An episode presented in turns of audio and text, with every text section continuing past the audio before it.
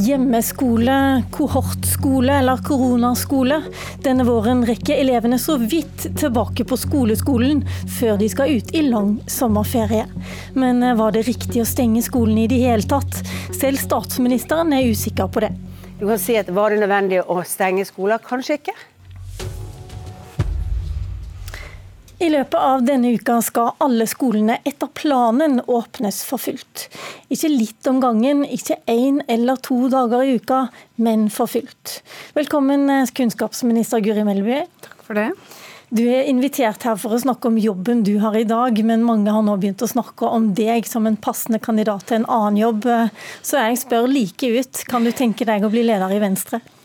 Jeg ble kunnskapsminister 13.3, dagen etter at skole og barnehager og alt annet for så vidt stengt ned. Og jeg har konsentrert meg om å sørge for å få en god gjenåpning av Skole-Norge. Og det jobber jeg fortsatt med, for vi er fortsatt ikke i mål. Så da tenker jeg at vi får ta lederspørsmålet i Venstre når det haster, og så får vi løst denne krisa akkurat nå. Men eh, det er akkurat nå den lederjobben i Venstre er ledig, og andre har meldt seg på banen? Det er fortsatt flere måneder til den skal avgjøres, så eh, jeg tenker at jeg gir det svaret når det er nødvendig. Ok, Da gir jeg opp det forsøket og går til dagens tema. Var det egentlig nødvendig å stenge skolene? Vi skal høre litt mer av hva statsministeren sa i programmet Torp i forrige uke. Du kan si at Var det nødvendig å stenge skoler? Kanskje ikke. Kan diskutere om det var nødvendig, men samtidig så mener jeg at det var riktig å gjøre på det tidspunktet. Også fordi vi hadde en opplevelse av at eh, foreldre trakk elevene, altså barn, ut av skolen.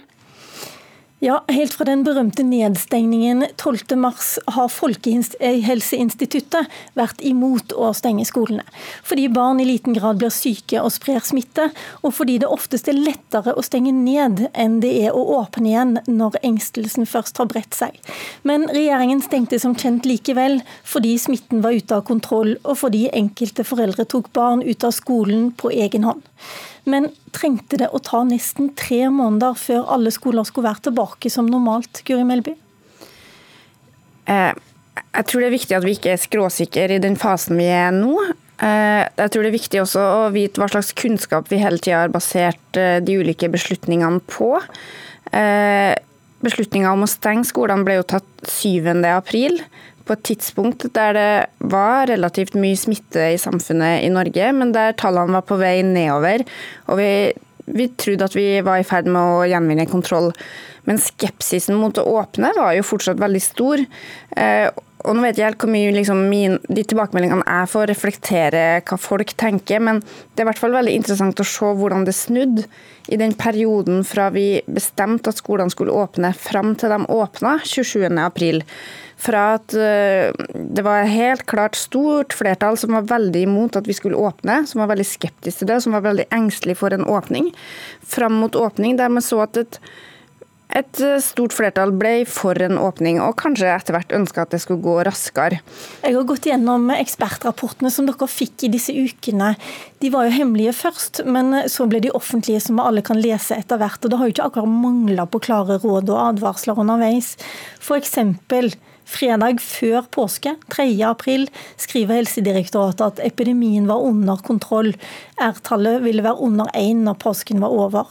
Samme dag fikk dere en rapport laget av Utdanningsdirektoratet, Bufdir og FHI som var svært tydelig. Slik smittesituasjonen er i dag, er det vår vurdering at konsekvensene for barn og unge ikke står i forhold til risikoen for smitte som åpne barnehager og skoler representerer, skriver de før påske. Det er to måneder siden. Hvorfor hørte dere ikke på dem? Jo, Vi hørte jo på dem.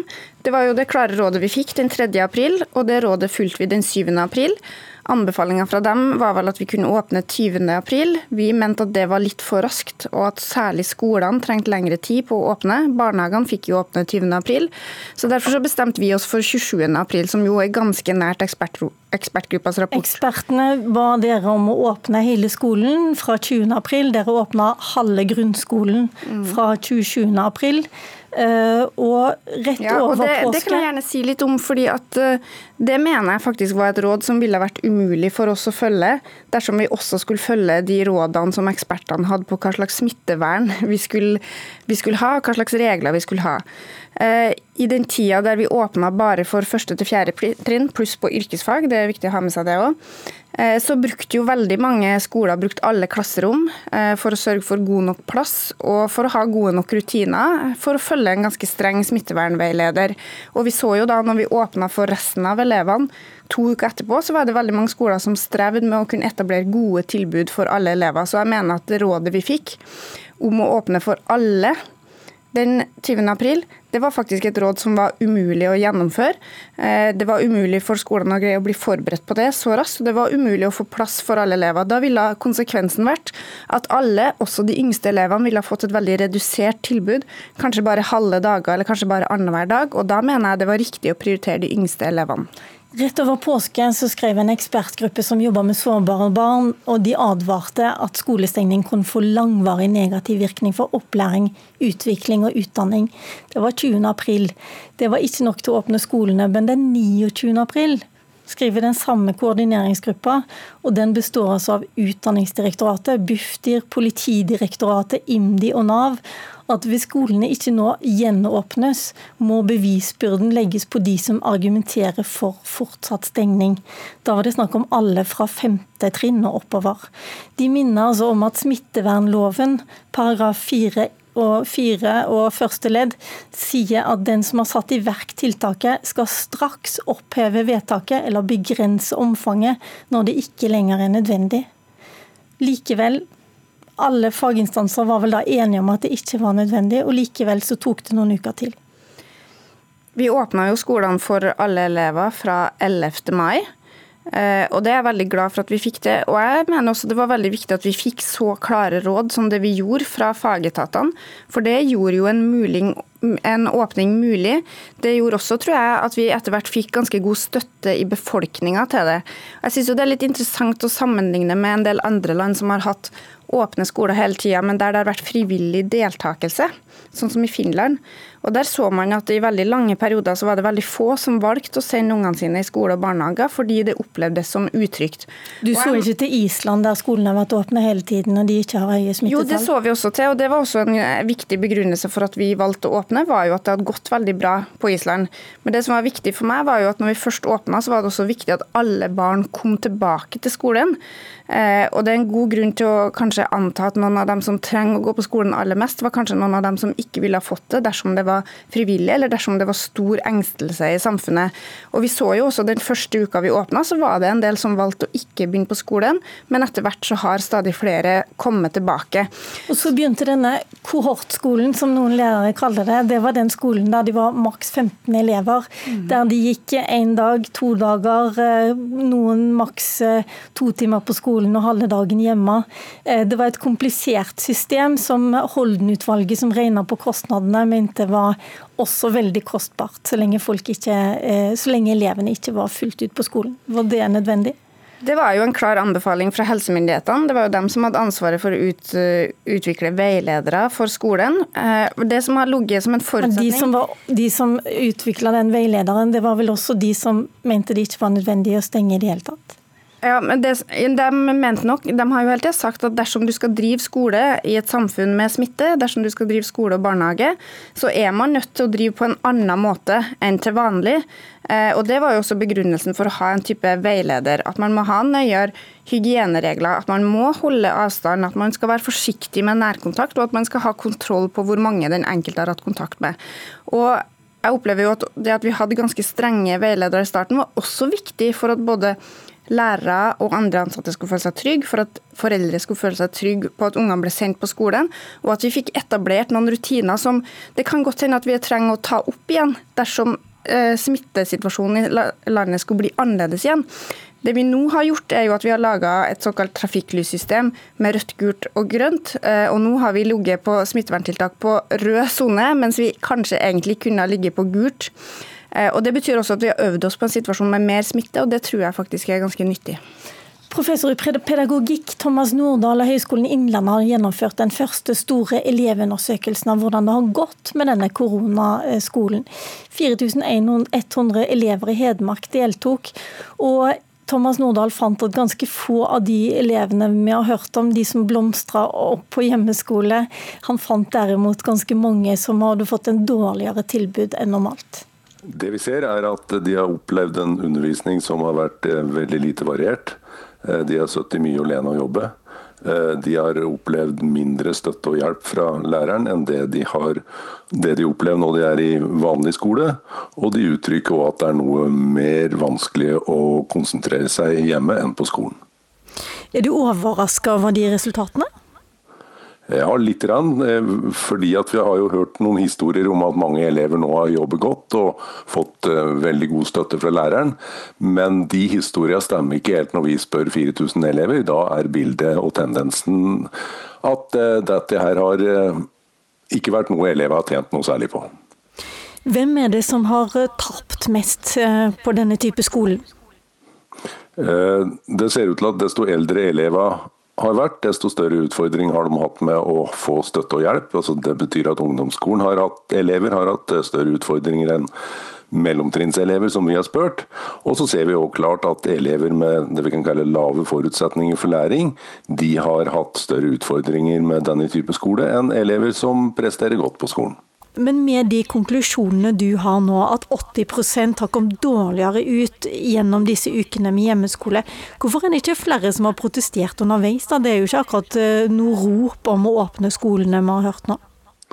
Nei, eh, men jeg tror at vi har hatt en veldig stor respekt for smittevernreglene og smittevern, og, veldig få har uttalt seg om, det pedagogiske i det hele tatt.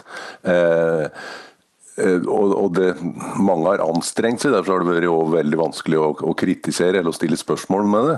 Men jeg tror nå det er veldig viktig at vi har en åpen debatt om hva som skal til den høsten som kommer, i forhold til elever som nå har tapt litt. Jeg tror noen elever nå trenger noen intensive kurs for å hente inn at noe av det de har tapt av læring. Men da må skoler ha ressurser til å kunne gjennomføre det, og det er ikke det vi hører når vi snakker med skoleledere. Hva hører du da? Da hører jeg at det er anstrengt økonomi, at eh, denne perioden her faktisk har vært ganske kostbar, eh, og at det ikke er ressurser til å gjøre noe sånt til høsten.